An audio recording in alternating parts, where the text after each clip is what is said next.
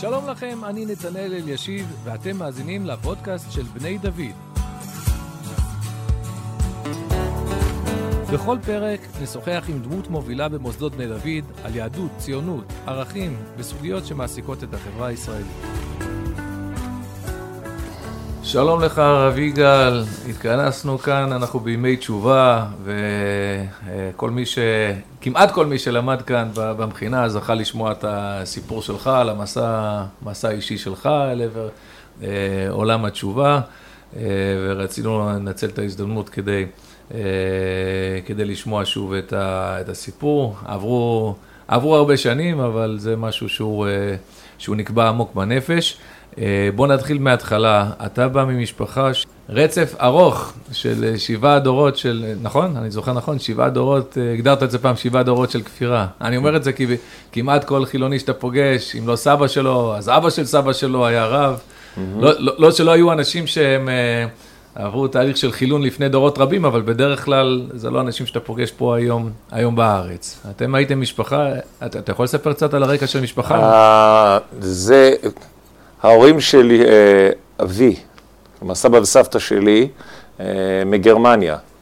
גרמניה, כידוע, תהליך החילון, אה, תהליך התנצרות אפילו, כבר הוא בין למעלה מ-200 שנה, זה לא דבר שהתחיל היום. עוד תקופת ההשכלה והרצון להשתלב. ודרך הסבתא יש ממואר, זה כלומר זיכרונות, מסבתא לסבתא לסבתא. שבאמת רואים את התהליך של אה, עזיבת היהדות אה, כבר באמת לפני דורות רבים, אה, כשבאמת רוב המשפחה בעצם התבוללה, חלקים התנצרו, חלקים התבוללו.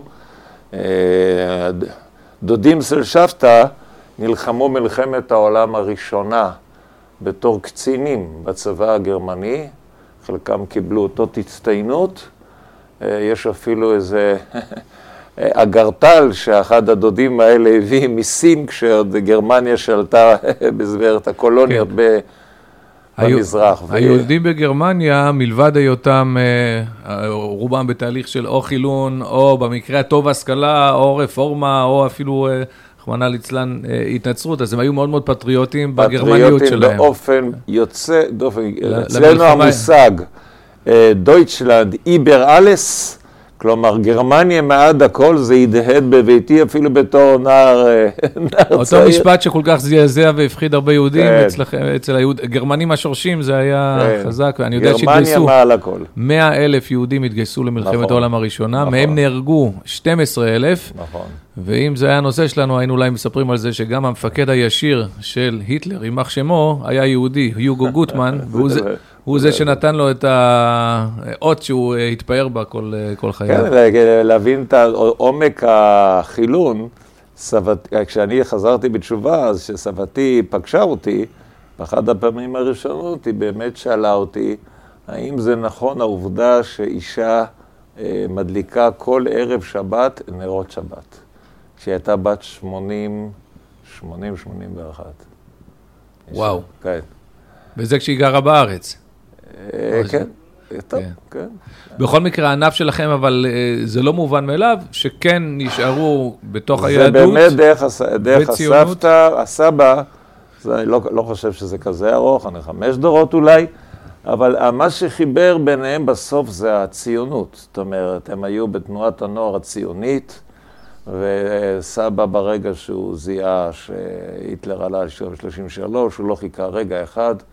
והוא וסבתא עלו לארץ. אז המשפחה שלכם היא הוכחה טובה למה שאנחנו יודעים, שזו הוצאת שם רע קשה על הציונות להגיד שהיא אה, דחפה אנשים להתבוללות או להתרחקות. בדיוק להפך, אנשים שהיו בסכנה, הציונות משכה אותם חזרה פנימה. מי, ש... מי שעלה לארץ אה, במפעל הציוני, המשפחתו נבנתה והכל... אני אומר, אני רואה את זה בזווית אחרת לחלוטין, אפשר להסתכל על זה בזווית הפוכה. שאסור להתייאש משום יהודי אף פעם. אם אני דור שביעי לכפירה בבית, ובסוף יהודי חוזר לתשובה, סימן שהנשמה היהודית, גם אם היא מכוסה באין סוף שכבות של ניתוק וחוסר חיבור לעם ישראל, משהו מסתתר בעומק שלא ניתן אה, למחוק אותו. והוא יכול אה, לצוץ ולצוף, ואפשר לחזור להיות יהודים כשרים אוהבי השם, אה, גם אחרי דורות רבים של נתק. זה, לדעתי זה חידוש עצום. המשפחה, לפי מה שאני אה, מכיר, כן משפחה עם המון השכלה, אוהבי ספר, ידיעות רחבות בהרבה תחומים. הסבא שלי, הוא למד בהיידלברג, אצל גדולי הפילוסופים של הדור הקודם. יספרס, אני חושב שאפילו הרמן כהן, אני...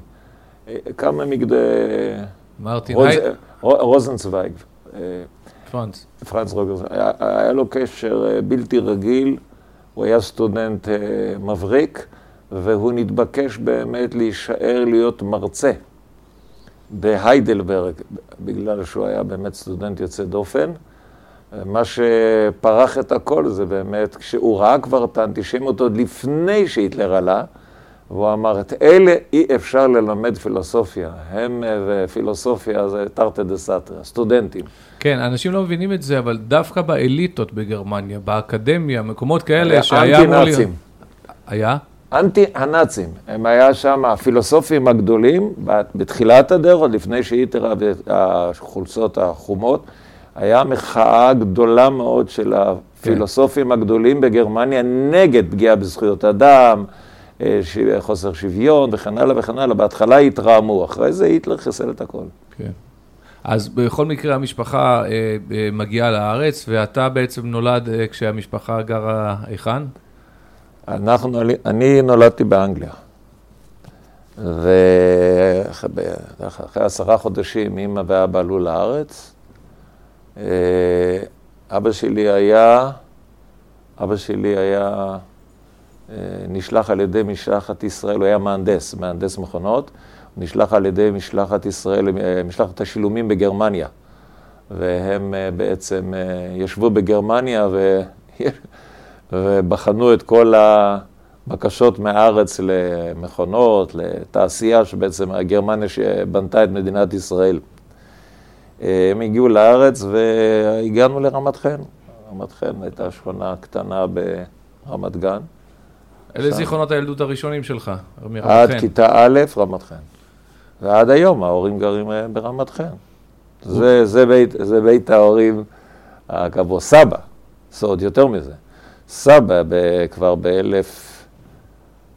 כשהם עלו לארץ ב-1933, אה, גרו בתל אביב.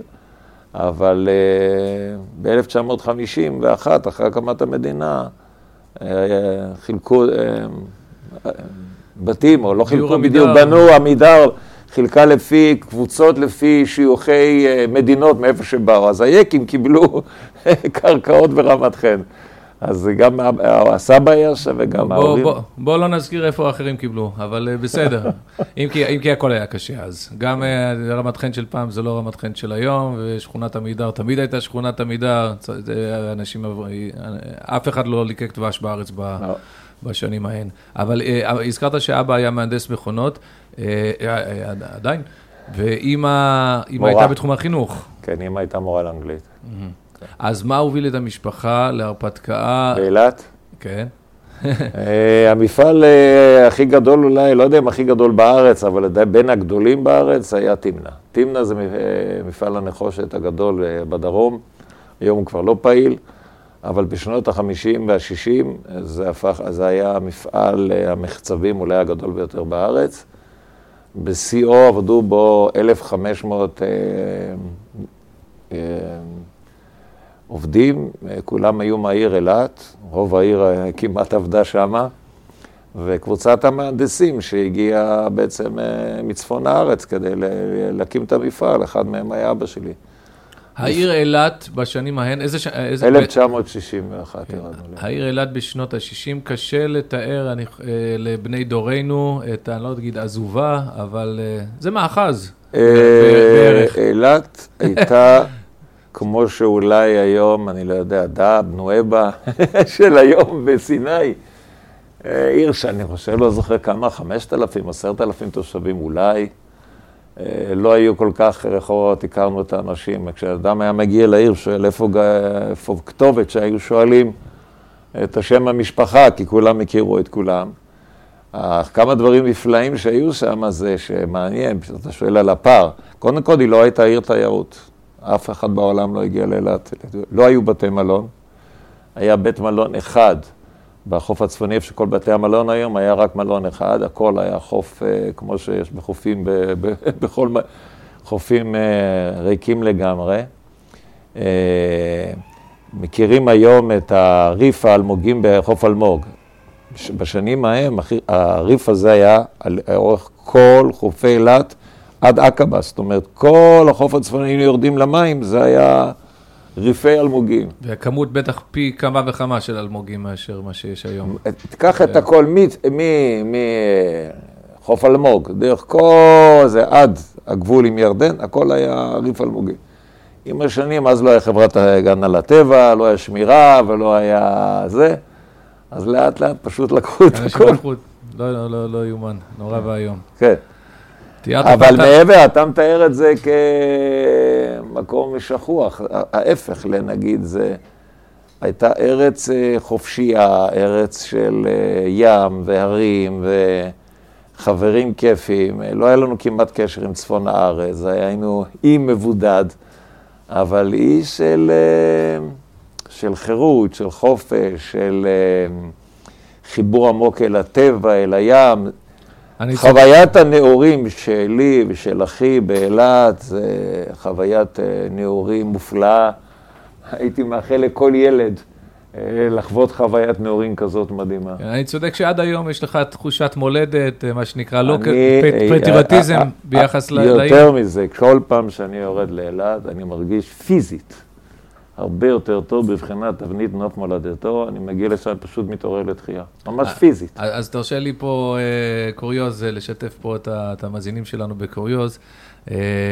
השיחה הזאת, תמיד היית, היית נותן אותה בשבת תשובה במכינה, וכל התלמידים ידעו ש...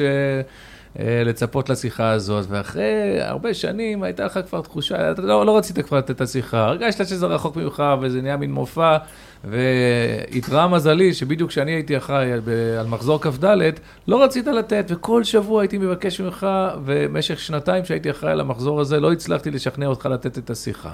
אבל, בטיול הסיום שלנו, שעשינו אותו בהרי אילת, אתה ישבת שם, אני לא יודע אם אתה זוכר, אבל אני זוכר, הסתכל, היינו בלילה שם באיזה ארוחה אחרי יום של uh, טיול מפרך. כל אחד מהצוות היה אמור לדבר 2-3 דקות, נתנו לך את המיקרופון, ראית את ההרים ואמרת, האזור הזה, ההרים האלה, המקומות האלה, פה אני גדלתי ואתה פת... פשוט נת... השלמת לנו את כל החוסר. ואף פעם לא שמעתי את זה כל כך מפורט ו... ו... וחי כמו באותו ערב. אז אני ראיתי איך המקום אה, מדליק אותך, מחיה אותך. ממש ככה. ואתה גם היית, ופה זה כבר אה, גם קשור לסיפור בהמשך, אני חושב, קשור לבניית האופי וה, והגישה. אתה היית מאוד קשור לתחום של, של שיט, של שיט מפרסיות. כן, עוד לפני זה, השיט זה כבר היה שלב יותר מאוחר, אבל uh, בעיר הזאת, קודם כל אני מייחס לאבא שלי את כל בניין כוחות הנפש uh, היסודיים אצל uh, נער צעיר, בעיקר uh, עצמאות,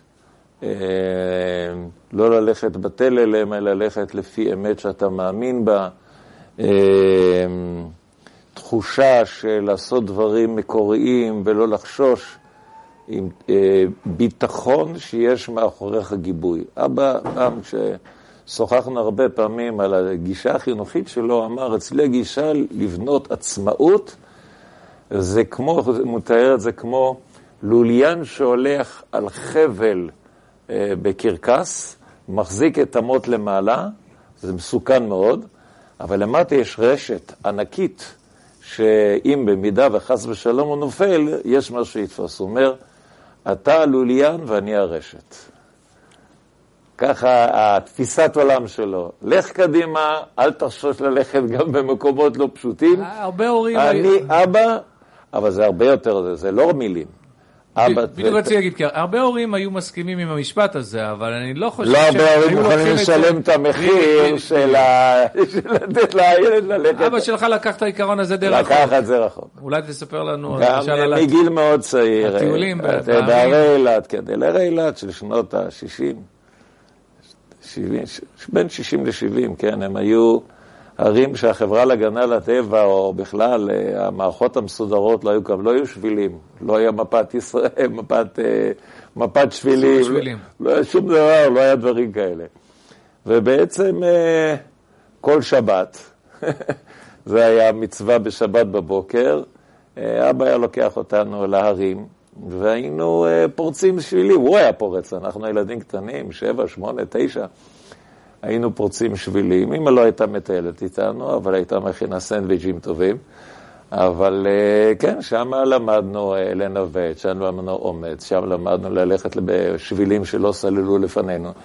וגם יותר מזה, הרבה פעמים משאיר אותנו לבד, כדי שנלמד להסתדר. אה, אה, בשטח. בן שבע, אחיך... אני הייתי עכשיו שמונה, אח שלי שבע, אלף, תשע, זה כבר הרבה שנים, זה היה ארבע, חמש שנים. אז הוא היה נעלם לכם, אתה זוכר את התחושה? אתה כן, הרגשת כן, כן. פחד או כזה אה, מסתדרים? לא היינו יושבים, קודם כל היינו פה בוכים. מה הילד יודע לעשות, שאבא פתאום נעלם לו באמצע המדבר, אז היינו מתיישבים על סלע ובוכים. או רצים לחפש בוואדי איפה הוא נעלם. הוא לימד אותנו, אף פעם הוא לא נתן לנו להסתבך בלי שהוא הכין אותנו קודם, הכין את התרופה למכה. למשל, לימד אותנו שכשעולים למקום גבוה, כיוון שהרי אילת כולם פונים לכיוון הים והערבה. אז אם אתה עולה למקום גבוה, אתה תמיד תראה את הים, תמיד תראה את העקבה, תמיד תראה את, הרי, את הצד השני, אתה תמיד תדע איפה אתה. אז לא משנה מה יקרה, אתה צריך ללכת לכיוון הים, ככה או ככה, ככה, זה תמיד הולך לשם, כל הנחלים זורמים אל הערבה, מן הערבה זורמים אל הים. אז מגיל צעיר אני, אני זוכר את החוויה הזאת של אה, להתמצא, להסתדר, גם כשאתה לא יודע בדיוק איפה אתה. מגיל מאוד מאוד צעיר, הזה. הוא תמיד היה, הקדים אותנו צעד אחד קדימה בנועזות, שאנחנו, הרבה פעמים זה הולך הפוך, ילדים. Okay. כן. פורצים דרך, וההורים נכנסים ללחץ ומחזיקים בשיניים, רק שלא יקרה לילד כלום. זה כל הזמן אני זוכר את החוויה ההפוכה. אבא היה יותר נועז מאיתנו, וזה גרם לנו, כל הזמן הוא הרים לנו רף גבוה, שלא תמיד... אה, אז זה מטביע בכם אה, חישול, כן. חופש, עצמאות, עצמאות ביטחון מאוד, עצמי. כן. אה, ואחר כך אתם עוברים בעצם לתחום של השייט. אז בדיוק אחרי זה, כל הזמן הוא יזם יוזמות. אחרי הטיולים, באמת היוזמה הבאה, זה היה בבית ספר אה, אילת, הייתה מגמה ימית, והם רצו לשדרג אותה, אז קבוצת הורים, אה, ביניהם אבא שלי, עם יחד מנהל בית הספר, אתה, אתה, אתם לא יודעים, אולי אתם זוכרים, היה מנכ"ל משרד החינוך בשם שמשון שושני. בטח. הרבה מאוד שנים היה מנכ"ל, אחד המנכ"לים הטובים. כן, כן. הוא היה מנהל בית הספר שלנו. באמת, אחד המנהלים, המנהלים המיתולוגיים. אה, איש מעלה, איש ספר. כל האנשים האלה מילאו שליחות ציונית, כן, ובזה שהם הגיעו לאילת. כן, זה כן. היה נחשב ה... ממש, שליחות ציונית. אני זוכר, הוא היה מורה לתנ"ך, הוא היה פנומן, אני זוכר את החוויה, קשה להאמין אותה.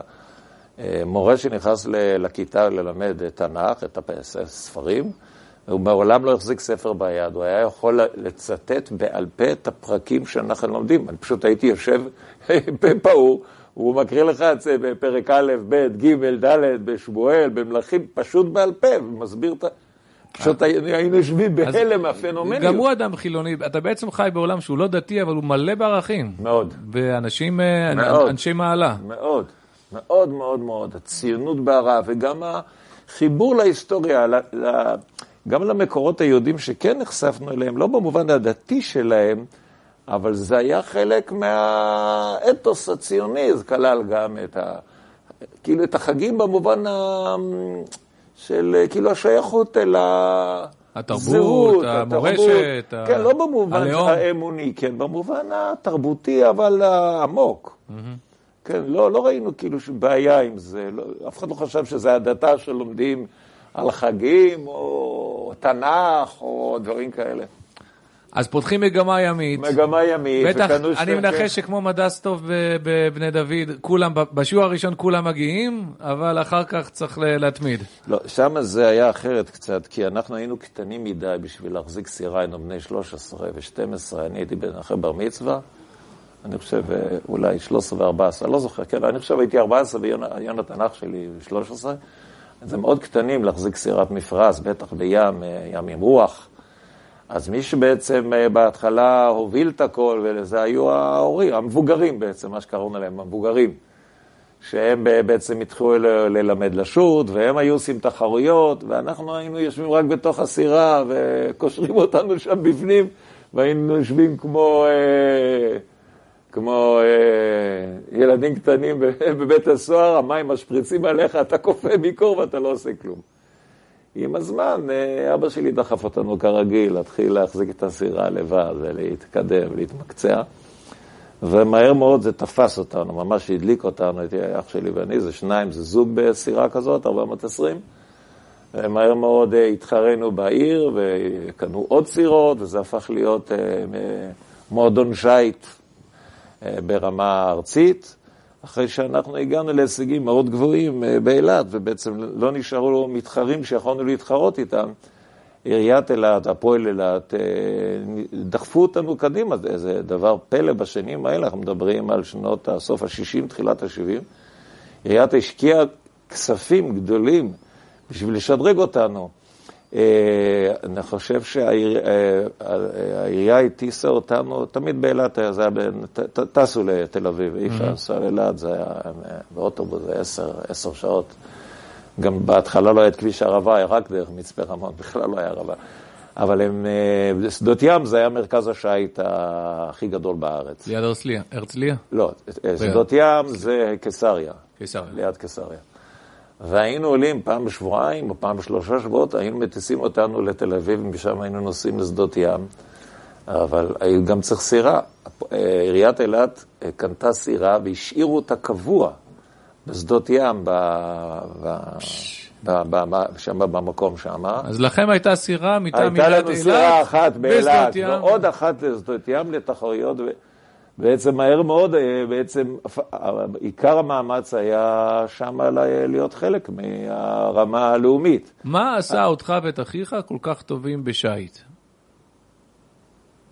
מה היה בכם? קודם כל, אה, לא יודע אם כישרון או לא כישרון, אבל נתחיל ממאמץ, עבודה. אה, בתיכון, כמעט כל יום, משעה שתיים בצהריים עד שש בערב, במשך שנים, שלוש שנים כמעט, אני חושב, רצוף. היינו כל יום בים. אני חושב שלמעט יום כיפור, אני חושב שהיינו כל השנה בים. כל יום שלוש, שלוש שעות וזאת עבודה קשה. לא, כי זה לא, ביל... זה לא בילוי. זה... לא, לא, לא, לא. זה גם לא ספורט כיף. שיש רוחות, בלבד. זה סחוף, לא, ספורט כיף, זה ספורט אתגרי. כן. ספורט אתגרי, מאוד. עונות שנה שונות. עונות uh... שנה, קיץ, חורף, רוח חזקה, רוח חלשה, מתהפכים, נופלים, נשבר uh, תורן, נשבר uh, הגה, נשבר זה, מפרשים נקרעים, אתה בלב ים, סירה מתהפכת, לקום, להציל, להפוך אותה בחזרה. זה היה המאמץ העצום הזה, גם כשאף אחד לא היה בים, היינו יורדים לים לבד והיינו מתאמנים, הלוך וחזור, הלוך וחזור במפרץ עם הרוחות, אה, קצב, מהירות, אה, כיווני רוחות, אימנו את עצמנו המון המון המון המון.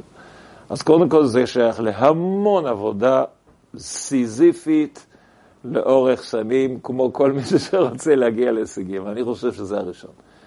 השני, אה, למדנו מאבא באופן בסיסי, לא, לא מוותרים גם כשקשה, ולא מוותרים כשלא נוח, ולא מוותרים כש, שמפסידים, וקמים עוד פעם גם אחרי כישלונות, ואתה לאט לאט, אה, הכרנו לקראת הסוף, היינו בסוף בנבחרת ישראל, זה עשר סירות מכל הארץ. הרבה תחרותיות גם, אני מניח. כל הזמן, כל הזמן זה תחרות, כל הזמן תחרויות. היעד הוא האולימפיאדה? היעד היה האולימפיאדה. של 72. נכון? אה, כן. זה אולימפיאדת לא, לא, לא יש אליפות, העולם בקיל בגרמניה, אה. יש אליפות עולם נפרדת, של, יש גם באולימפיאדה, אז אני לא זוכר אם זה היה באולימפיאדה, אם זה היה ספורט אולימפי, אבל זה היה ברמה האולימפית, היה לזה... אני זוכר שהייתם מאוד קרובים. ל... כן, היו עשר סירות בנבחרת ישראל, ב... וממש לפני הגיוס היה תחרות גדולה לקראת הנסיעה לאליפות העולם. שמתוך עשר שורות אנחנו גמרנו ארבע. סירה אחת כפסל לפני אליפות העולם, כן. אני לא אשאל אותך מתי פעם אחרונה שעלית על 420, אבל... אה, או שאתה עליתי. אה, כן? עליתי, כן. קודם כל, אח שלי המשיך הלאה, וקיים... אה, אחד הבחורים מהכיתה שלו נהרג באסון המסוקים, אסון המסוק ב-58 בייטב. כן. למטה, אתה זוכר את המסוק הזה? בש- רגע, של הצנחנים? של הצנחנים. זה לא נ"ד? אני זוכר. הנ"ד. אז זה 54, כן. כן, 54, כן. בנ"ד, למטה, בבקעה. כן, כן. אה, אחד הבחורים זה מהכיתה של אח שלי, בחור אחד המעולים, שגם היה בשטף פרסיות, ולזכרו אה, קיימו כל שנה תחרות לזכרו של כל הסירות באילת. עשרות שנים. ואח שלי כל שנה השתתף בתחרויות האלה, גם כשהם היו מבוגרים והכל וזה. הרבה פעמים הוא המשיך אה, לזכות במקומות ראשונים, אני כבר לא הייתי שייך לזה. הוא גם גר באילת. אז הוא שותף לזה, אני לא זוכר אפילו ממש עד השנים האחרונות. כשירדנו לפני כמה שנים, ל... הייתי לקחתי איזה חופש פה, ירדתי לאילת איזה שלושה חודשים. עם אה, רונית, זיכרונה לברכה, הלכנו מה שנקרא לרענן את העולם הפיזיולוגי, הבריאותי, שלושה חודשי בריאות. אז אח שלי ואני לקחנו סירה ושטנו ביחד. זכר לימים הטובים. אה, בטח הייתה תחושה מיוחדת. עניין האחרון על השיט, אני אזכיר לך שלפני אה, לא הרבה שנים ניגש אליך מישהו ואמר, אתה בטח לא זוכר את זה, אבל אני זוכר את זה. זכיתי פעם לשוט איתך, אתה היית הגיבור שלנו בעיר... אה, בעיר אילת, ופעם אחת הייתי בלי בן זוג, ובדיוק אמרו אז שיגאל הגיע לבקר, וזכיתי לשוט איתך. אתה זוכר מי, מי אמר לך את זה? גדי איזנקוט. גדי איזנטוט שהיה רמטכ"ל, גם כן גדל, באותו מועדון גדל, כן. אה, קצת, אה, קצת אחריך. איפה היהדות נמצאת בתוך כל ה... אתה, אתה בעצם, אה. בעצם אתה נתת את כל הסיבות למה להישאר בתוך העולם הנפלא, מלא חיים, ערכים, אה, ציונות חילונית. אה, איפה, איפה היהדות בתוך כל הסיפור הזה בתיכון? באמת, אני חושב ש... אה, כל מי שעבר תהליך תשובה יודע שאין משהו מבחוץ שיגרום לך לחזור בתשובה כל זמן שאתה מרגיש שחייך הם טובים ושלמים, ולא שום רעיון אינטלקטואלי הכי מבריק בעולם לא יעשה, אדם לא משנה את חייו בגלל רעיונות מעניינים כאלה ואחרים. רק כאשר קיים איזה חוסר אה, עמוק מאוד, שהחיים שבו אתה חי לא ממלאים אותם, יכול להיות שינוי. כי יש הרבה בעיות בכל תחום, בכל שיטה, בכל דרך. אבל כל זמן שבדרך אתה יודע שיש לזה פתרון כזה, כזה, כזה, כזה, אז בעצם יש לך פתרונות לדרך שבה אתה הולך, וזה שיש קשיים, לא בגלל זה אתה כבר משנה דרך. אבל כשמשהו יותר עמוק, שלא מוצא מילוי בכל מה שאתה עושה, אף על פי שלא חסר לך כלום, ואני לא, אף פעם לא פגשתי פשע, פשע ולא הייתי קשור לפשע, כמו שאתה אומר, חייתי חיים אה, חילונים, נורמטיביים, חוביים, ערכיים, אה, בית טוב, הורים נפלאים, אחים נהדרים, בית ספר, הכל באמת היה גן עדן. זה משהו שמתעורר מאיזשהו עומק שאני לא יודע לסמן אותו, אבל כל בעלי התשובה יודעים להגיד שמשהו בפנים בעומק לא נתן מנוח, וכל מה שאתה מנסה למלא אותו בכלים שאתה מכיר, לא מתמלא. כן. לא שמכירים, אתה חושב על יהדות, בכלל לא. אבל קיים איזשהו צמאון שמתעורר, איזה ריק, נגיד הפוך, איזה ריק שמחפש מילוי, אתה אפילו לא יודע להגדיר מהו. זה החבר'ה מה שמטיילים אחר כך בהודו, מחפשים אה, כתות אה, הודיות, לא משנה, כל הסגנונות הרוחניים האלה, זה רצון למלא משהו שחסר, שאתה לא יודע לסמן אותו. זה מזכיר את המדרש המפורסם על המשל של העירוני שנשא בת מלכים. והיא כל הזמן, אה, הוא לא משנה מה הוא מביא לה, היא בעצם, אה, היא, היא זקוקה למשהו אחר. כן, אבל משהו זה, זה מהארמון. לא דבר, א', אתה לא יודע שאתה מחפש ארמון, ב', אתה לא, אתה לא יודע, בהתחלה אתה לא יודע לזהות מה זה. אני אתן שתיים, שלוש אה, דוגמאות כדי להבין. אה, באותם שנים, בשנות ה-60 המאוחרות, תחילת ה-70, כבר הייתי בט', י', ואז הגיע לעולם אה, מה שנקרא עולם של שירי החיפושיות, העולם של ה... המהפכה של שנות ה-60 של ילדי הפרחים של אמריקה, וודסטוק, קצ'וט, זה הגיע מהר מאוד לארץ, וזה פגש עולם אה, ציוני מאוד תמים, היינו אה, צופים אדוקים, אה, מאוד פוריטנים בהתנהגות, מאוד מאוד פשוטים, אידיאולוגית גם. ואז הגיע שנות ה-60 הסוערות. לגדל שערות ארוכות, ג'ינס הגיע לארץ, היה וואו, מי שהצליח להשיג מכנסי ג'ינס, היה וואו, הסתובב בעיר, מלך. אה, ואז הגיעה גם השירה, מוזיקה, הכל זה היה תמים, לא היו מועדונים, לא היו דברים כאלה, אבל תקליטים התחילו להגיע, ואז חבר'ה בבתים.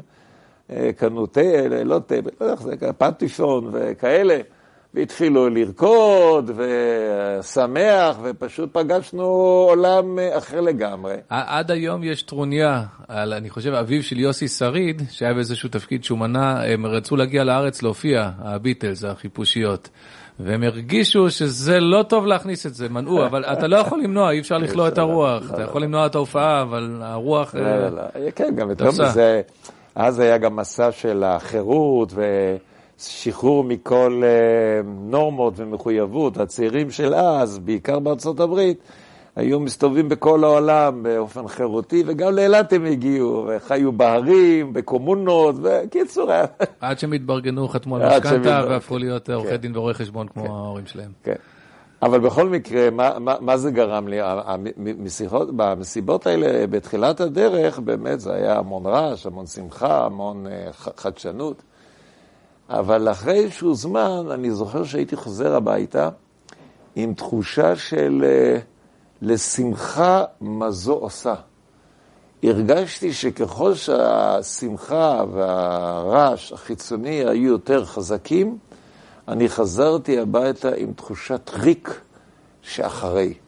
וזה מאוד טלטל אותי, כי לא הצלחתי להבין למה לי יש תחושות כאלה. החברים חזרו באורות, ולמחרת הם מספרים אה, סיפורים ואגדות על המפגש שהיה ערב קודם, ומחכים לשבוע הבא, ואני חוזר הביתה, ולא ידעתי אפילו להסביר לעצמי מה קורה לי, גם לא יכולתי לשתף אף אחד בתחושות האלה.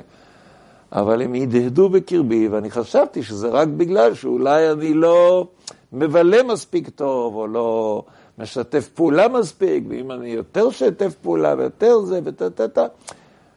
אין לך הסבר לעצמך לתחושות שהן אה, נולדות יש מאין. איך יש לי תחושה הפוכה ממה שצריך לקרות. כן. זה אז... מקור אחד. דוגמה להתעוררות שהיא לא, היא משהו מאוד עמוק. אנשים היום מתארים תיאורים כאלה, הסצנות אה, של סמים ודברים קיצוניים, זה לא היה כל כך קיצוני, אבל זה, זה הספיק לך כדי להרגיש רתיעה או ריק ו... אה, תחושת ריק זה לא רתיעה, אתה, זה דבר נחמד, כל החבר'ה ורוקדים ושמח, אבל זה לא ממלא.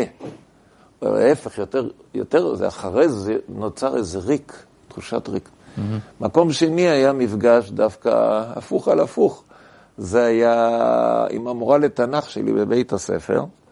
היא לימדה תנ"ך על פי אה, מסורת ביקורת המקרא, והיא הייתה, היא הכינה אותנו לבגרות, ואני כל פעם שהיא הייתה קוראת ומסבירה, אני התקוממתי, כי לא ראיתי איפה כתוב מה שהיא אומרת.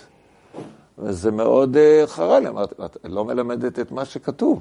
והיא אמרה לי, ככה זה מלמדים, זה הפרשנות וכו' וכו'. שושני לא היה כזה, שושני לא, העביר את התנ"ך חי. שושני היה כולו תנ"ך, זה, אבל המורה לתנ"ך שלנו היא באמת, אני זוכר את הפירושים על יציאת מצרים, בעשרת המכות, הסביר את הכל באופן גאות מדעי, ו- כזה או אחר. גאות ושפל בים סוף. כן, ו... כל הדברים האלה. זה לא שמה שהיא אמרה לא, לא היה הגיוני ומדעי, זה נשמע בסדר, אבל זה לא כתוב בשום מקום. והדבר הזה כל כך קומם אותי, והייתי מתווכח איתה יותר מדי בשיעורים, וזה נגמר באיזה פיצוץ, שהסיכום היה שאני הולך, להם, מתכונן לבגרות לבד, והיא לא מפריעה לי ואני לא מפריע לה, אני מפסיק להפריע בשיעורים ואני אגש לבגרות לבד. אבל כשאני התחלתי ללמוד לבד, פגשתי שתי ספרים שטלטלו אותי. עוד פעם, זה יושב על בסיס שמשהו בתוכי מתחולל, ואני לא יודע, אז אתה פוגש משהו, ש... זה לא המשהו מחולל, אלא הפנים שמחפש, פוגש משהו שאומר לו, וואו. כל, כלומר, אם שנה לפני כן היית קורא את אותם ספרים... כנראה שלא יעשה כלום. אה,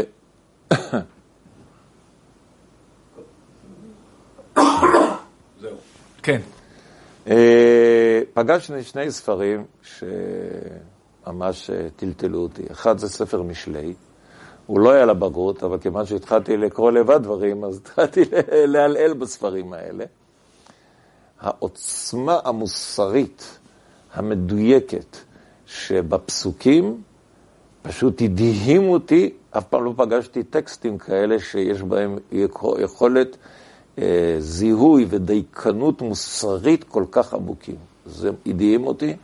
אני לא יודע מי יש לי עוד את הספר תנ"ך הזה מאז, אבל אני זוכר שפשוט עמדתי ועם עיפרון את הפסוקים שחדרו לליבי, ממש סימנתי אותם בקווים. מעניין, אה, ש... לא חשבתי על זה אף פעם, אבל שלמה המלך הוא, ה... הוא הדמות היהודית שמזוהה עם העיר אילת. אה, לחשוב נכון. שקיבלת דרישת שלום אלפי שנים אחר כך, ממש. באותו מקום. כן. גם מהסירות שלו, הוא שט לפניי שם. אבל מבחינת המשלי, והשני זה היה ספר איוב. אף על פי שאני... אתה מבין שגם בחינוך הדתי שני הספרים האלה לא תמיד קוראים אותם, ואם נכון. כן הם נחשבים ספרים דיכאוניים. עכשיו, אני מוכרח להגיד שכמעט לא הבנתי אף מילה, גם היום אני לא בטוח שאת רוב המילים אני מבין בספר איוב, אבל דבר אחד קלטתי משם. העוצמה של איוב ביכולת שלו לשאול שאלות קשות את הקדוש ברוך הוא, זה הדהים אותי, אמרתי, וואו, איזה בן אדם אמיץ. גבר. כן, לעמוד מול הקדוש ברוך הוא, אני אומר את זה היום, אז uh, כאילו, מול אלוהים, כן, לא משנה, אני לא, לא ייחסתי לאלוהים uh, משהו חי, קרוב, זה, אבל לעמוד מול אלוהים, כל אחד uh, יודע שיש אלוהים בעולם, נגיד ככה, אתה יכול לכפור בו, להיות שייך, שייך אליו. ראיתי את העוצמה שיש לעמוד מול אלוהים. לשאול שאלות כאלה אדירות, אמרתי לעצמי, וואו, איזה בן אדם אמיץ. הדהים אותי. ואני מעבר לזה לא זוכר כלום. לא, אבל זה גם מופלא, בגלל שזה כאילו... אתה שואל האם זה דבר אמוני, כי בדרך כלל האמוני זה החברים של איוב, אלה שנכנעים ונותנים את ההסברים הדתיים. אתה אומר שדווקא הבן אדם שעומד מול הקדוש ברוך הוא, זה בעצמו סלל לך קצת כן. את הדרך לאמונה. ראיתי אדם אמיתי שאפילו מאל אלוהים לא יראה לשאול שאלות הגדולות, הוא, הוא, הוא רוצה, הוא מחפש תשובות, הוא לא, הוא לא יכול, לא יכול אה, להיכנע לכלום עד שלא מתיישב בלב. זה פשוט הדהים אותי, הדברים האלה. זה פעם שנייה. פעם שלישית, פעם שלישית זה אבא. אני לא יכול להתעלם בסוף, אני גדלתי בבית אמנם חילוני לחלוטין, אבל היחס אל הרוח היה יחס מאוד עמוק מאז ומעולם. גם כי סבא הוא פילוסוף, ואבא שלי הוא ממש בנוי תבנה, ודמות דיוקנו של אבי, של סבי ממש. הסבא נקרא יעקב, אה, יצחק, ואבא שלי נקרא יעקב, בן ואב כפשוטו. אה, הרוח היא שלטת בבית. זאת אומרת, מה זה שהרוח שלטת בבית? מגיל צעיר אני זוכר את החוויה אצל אבא שלי, אבל היה מהנדס, ומהנדס אה, מצליח, וחי עם שני רגליים על הקרקע, אה, תמיד בבית היה שדר. המשמעות בחיים יותר גדולה מההצלחה במובן החומרי של החיים. הוא תמיד זכר, אנחנו זוכרים את זה גם מהאחים שלי, אם אתם תעשו דברים משמעותיים, בעיניו זה היה לאין ארוך מאשר אם נהיה עשירים או, אה, או הישגים כלכליים כאלה ואחרים. החוויה הזאת היא חרוטה מאוד עמוק, היחס, הערצת הרוח.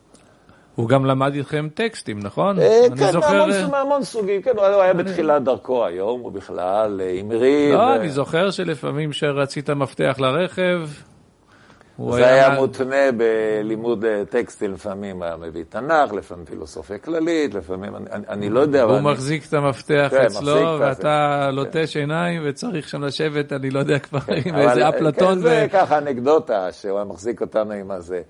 אבל uh, האווירה בבית הייתה תמיד שהרוח קודמת, הרוח היא עיקר. וככה תמיד היה כל החיים. גם כשבסוף חזרתי בתשובה, אז uh, אבא שלי עמד מאחוריי באופן מלא, אימא שלי היה לה מאוד מאוד קשה. אבל uh, אבא שלי עמד מאחוריי כל הזמן. נגיע לזה מיד, אבל uh, לפני כן בעצם יש עוד נקודה, וזו נקודת ציון אצל הרבה מחפשים ובעלי תשובה. זה יעזע מאוד את כל ההוויה הישראלית, וזה מלחמת יום הכיפורים. זה תופס אותך כשאתה בכיתה י"ב. שמינית, סוף השמינית, עומדים לפני, ממש רצו לגייס אותנו בחגים, וכשפרצה המלחמה, המצב היה כל כך קשה, שהיה מחשבות מעשיות לגייס את השנתון שלנו לצה"ל, מכיוון שהמצב היה מאוד מאוד מאוד קשה. בשלב הסתיימה המלחמה, אז לאט לאט מזה שהחליטו לגייס אותנו, אז ויתרו על הגיוס. ומזה שהחליטו לבטל את בחינות הבגרות אחרי שנה כזאת נוראית, אה, החליטו כן לקיים את הבחינות בגרות, אבל באופן מעשי אנחנו התגייסנו מיד אחרי המלחמה, ובאמת את חוויית הטראומה של המלחמה, אנחנו ממש כ... חיילים צעירים אה, חווינו. זהו, מה המלחמה הזאת עשתה לבני אה, שמיניסטים, למתגייסים טריים? אה, מה זה שינה ב... אני באופן אישי, זה דבר והיפוכו. מצד אחד, התחושה שכמעט הלכה המדינה, אז מוכרחים להתגייס ולמלא את השורות. לא נשארו שורות. אני זוכר שאצלנו בסוף השמינית, הצבא דיבר, ואיפה שלא דיברו, זה על שני, שני חילות בלבד. שריון וחיל האוויר. חיל האוויר ושריון צריך למלא אותם, פשוט לא נשאר, לא נשאר. כשאני התגייסתי לשריון, כמו רוב חבריי, אה, מעט, זאת אומרת, כולם התחילו בקורס טיס וקיבלו כנפיים מיד, אחרי כמה שבועות. ואז אה, טסנו כולנו לשריון, אבל אני, אני זוכר את חיל השריון, וחיל השריון בכלל היו חירניקים שהוסבו בכלל במלחמה להיות חיר, לטרקיסטים. והמפקדים שלנו, רובם ככולם, היו מילואימניקים שחתמו קבע כדי לבנות מחדש את חיל השריון אחרי המלחמה. זאת אומרת, המפקדים שלי היו בעצם מילואימניקים שחתמו קבע, פשוט לא היו קצינים בחיל השריון. זו הייתה החוויה. אז מצד אחד, הרצון למלא את השורות במסירות נפש מיד, איך שנגמרה המלחמה, זו חוויה אחת. הצד השני, תחושת ההפקרות המוחלטת שחוללה את הכל וגרמה ל... המחדל. המחדל הנורא, זה גרם לזה שאפילו בשמינית אה, הייתה מחאה, מה זה מחאה? אז הייתה טלוויזיה אחת, ערוץ אחד, אה, מבט. והורידו לאילת... אה, אז היה רק ערוץ אחד עם אידיאולוגיה אחת, והיום יש הרבה ערוצים גם כן עם גם אידיאולוגיה אחת. כן. אבל, אבל אין מה להשוות, ברור. זה... אבל אז, אה, אני לא יודע למה החליטו לרדת לאילת, לשאול מה השמיניסטים, ממש לפני הגיוס, מה הם חושבים על הגיוס וכו' וכו'. ונבחרנו שלושה תלמידים מהשמינית, אני ביניהם. וראיינו אותנו בטלוויזיה, ואני אה, מחיתי בכל תוקף כנגד היקר, ומי מוכן, מי רוצה ללכת להתגייס כשבעצם אין, אין הנהגה וחוסר אחריות נורא וכן הלאה וכן הלאה. אני זוכר שבתור נער צעיר דיברתי מנהמת ליבי, ולמחרת פרצה מהומה כזאת במדינה. שר החינוך שלח אה, מחאה חריפה, ודיברו בעיתונות על חינוך הקלוקל. כבר אז דיברו על... אה, כבר בלאגן, בלאגן אחד, לא הייתי הרב לוינשטיין, אבל הייתי לוינשטיין, זה נכון. היה בלאגן גדול, ומחו נגד זה ש... באילת אין חינוך ואין ציונות, וכך גדל נוער שלא רוצה להתגייס. זה, זה, זה קצת אה, מזכיר לי את איוב, את האומץ לבוא, לעמוד מול המדינה הייתה לא אז אלוהים. כן, ו... אבל אני לא חשבתי על זה לא, בכלל, הדבר הזה בער. של, של לוחם, ולא לשתוק, ולשאול שאלות, ולהגיד, רגע, מה קורה פה? ו... זה ייאמר לזכותה של אימא שלי. אימא שלי היא אנגליה אה, שהגיעה עם תרבות אירופאית לעיר אילת. מזרח תיכון ישן. מרכז לבנטיני פשוט, לא היה תרבות, לא היה תיאטראות, לא היה קונצרטים, לא היה כלום. והיא הייתה אישה עקשנית שהחליטה להביא תרבות לאילת. בית התרבות היחידי שהיה שם זה היה הקן של, של יונים שמצאו את השובח המיותר כן. שהיה שם. והיא הפכה את העירייה, והתעקשה, והביאה קונצרטים, קונצרטים של הפילהרמונית לעיר אילת. זה היה כל כך תלוש מהמציאות, אבל היא הייתה לי לוחמת. אצלנו בבניין לא היו פעם טפטפות ולא היה עצים, העיר הייתה נראית מדבר ובתים בה, זהו. היא החליטה לעשות שם גן ירק עם עצים. אז היא שתלה עצים, ואנחנו היינו יורדים להשקות, והיינו מתלוננים, אח שלי ואני, למה אנחנו היחידים שמשקיעים ולמה היחידים שנוטעים. ואני זוכר, אפילו ועד בית, דבר שלא היה בעבר. היא הקימה את המושג ועד בית, והייתה הולכת וגובה דלת דלת מהשכנים שאף אחד לא רצה לשלם כלום, כדי שינקו את הכניסה ולשתול גינה.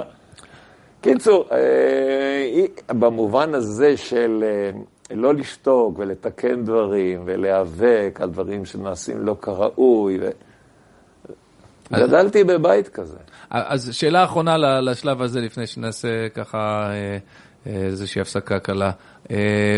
למרות שאתה מתאר את ההכנות ואת היסודות, דברים שבדיעבד אתה מבין שהם כן. ככה הובילו, עדיין, האם תסכים שאילו היו מראים לך עם גיוסך תמונה שלך כעבור עוד כמה שנים, עם כיפה וציצית וזקן, לא היית, לא היית חותם על כך. לא שלא הייתי חותם, לא הייתי. אין סיכוי. לא, מה, לא, לא הייתי רואה מה הקשר ביני לבין זה, כי... היו שאלות, אבל לא, לא היה כיוון של זה תשובה. זה משהו כל כך פנימי, שמתחולל מאוד מאוד בודד. אם אתה שואל בסוף כמה זמן עד שהחלטתי לשים כיפה על הראש, אם נגיד 17 התחילו הרהורים ראשונים, פעם בגיל 23, רק פעם ראשונה פגשתי יהדות, אתה מדבר על תהליך של אה, שבע, שמונה שנים, אתה מבין? Mm-hmm. זה... ואתה לא יודע לסמן אותו גם, זה לא, בדיעבד אתה יכול לסמן אותו, ולכתחילה אתה לא יכול לסמן אותו. בגיל הזה שאני התגייסתי, ביני לבין יהדות, לא דבר ולא חצי דבר. עד כאן הפרק שלנו, תודה שהאזנתם להסכת של בני דוד. אתם מוזמנים לשתף את הפרק עם חברים, נשוב ונשתמע בפרק הבא.